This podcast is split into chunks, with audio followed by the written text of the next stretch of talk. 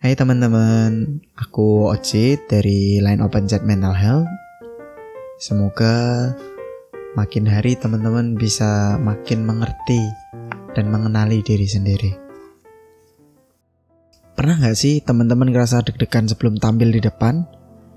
Atau mungkin kaki gemeter ketika ketemu hewan yang nakutin? Atau ngerasa nggak tenang hatinya karena kepikiran orang tersayang yang nggak ada kabar? Perasaan-perasaan ini yaitu khawatir akan suatu hal yang belum terjadi, gelisah ketika menghadapi hal yang membuat kita merasa terancam, dan nggak tenang hatinya karena memikirkan sesuatu biasa disebut dengan rasa cemas.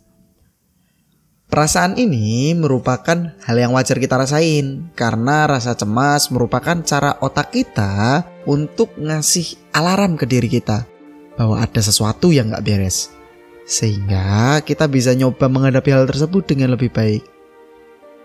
Dari sini, kita harus mulai memahami bahwa cemas bukanlah suatu perasaan yang buruk, meskipun sebagian orang menganggap ini sebagai perasaan negatif. Kok bukan suatu hal yang buruk?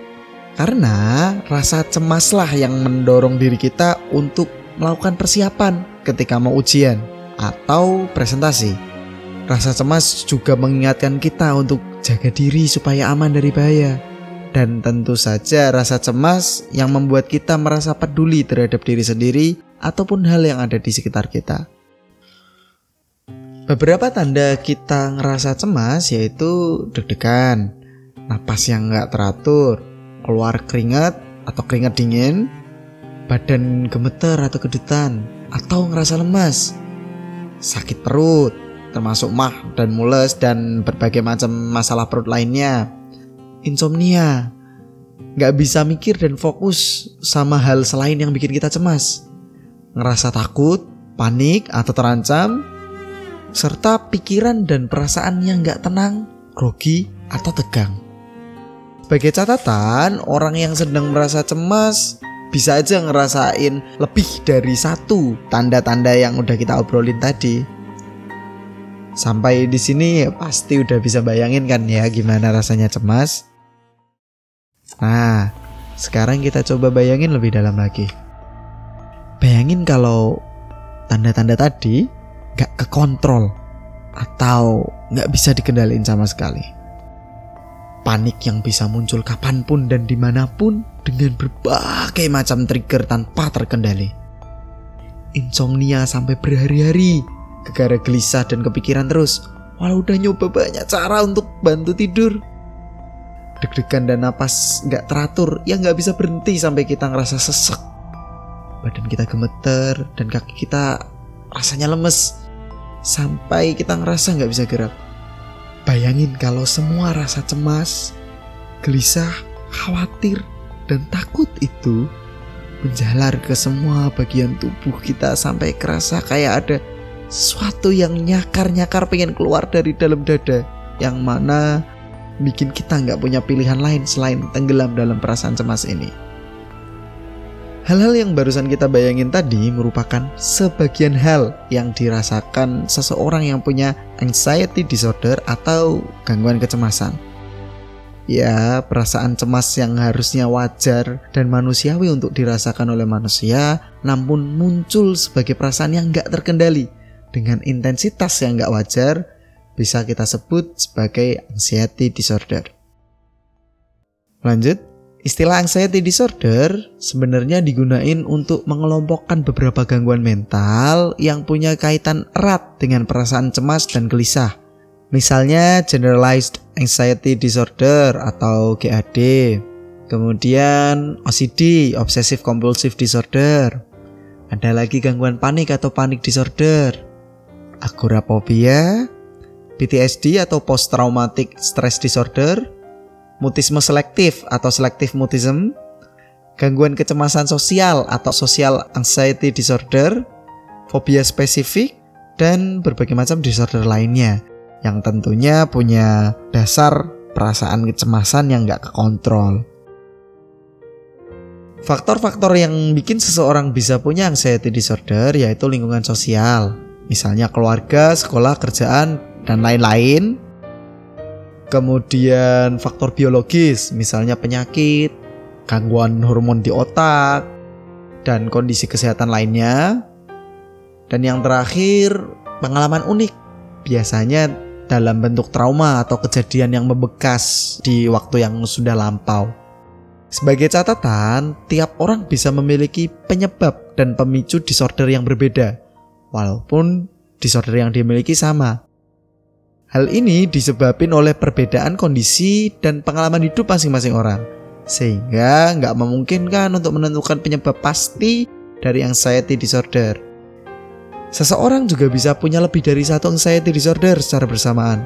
Bahkan juga bisa punya disorder jenis lain seperti depresi, skizoafektif, dan macam-macam disorder lainnya. Hal ini terutama sering terjadi pada orang yang punya generalized anxiety disorder. Berikutnya, kita akan bahas bagaimana cara menangani anxiety disorder. Kita harus pahami bahwa memiliki anxiety disorder merupakan kondisi yang serius, sehingga perlu ditangani dan gak bisa kita biarkan gitu aja tanpa perhatian khusus. Bantuan profesional berupa terapi medikasi atau obat dan psikoterapi akan sangat membantu kita dalam mengelola kecemasan yang kita rasakan. Dalam hal ini, obat akan bantu siklus hormon di otak kita dan psikoterapi bakal bantu ngasih ide untuk ngubah diri kita secara perlahan.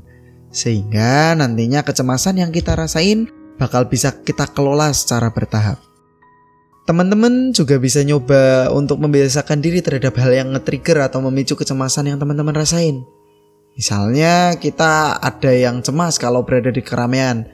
Bisa tuh pelan-pelan nyoba untuk berada di tempat yang rame. Mulai aja dari ikut ngumpul bareng 3 sampai 5 orang. Nanti setelahnya bisa lanjut nyoba ngumpul dengan orang yang lebih banyak. Kalau udah bisa ngelola perasaan cemasnya, baru kita coba untuk pergi ke tempat yang ramai. Cara ini bisa diterapin untuk membiasakan diri kita dengan berbagai macam kecemasan yang dirasain. Seperti cemas untuk ngerjain tugas atau kerjaan, gelisah ketika mau tampil, atau bahkan panik karena dinyinyirin orang kita harus paham bahwa lari dari rasa takut cuma bakal bikin kita makin sulit dalam mengelola rasa takutnya.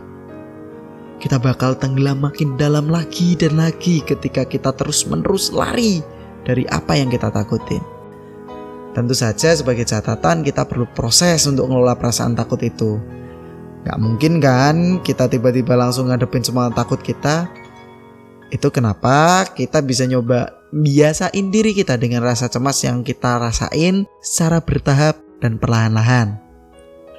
Cara berikutnya tentu dengan jaga kebugaran plus kesehatan fisik dan nyari orang-orang yang pas untuk nemeni kita.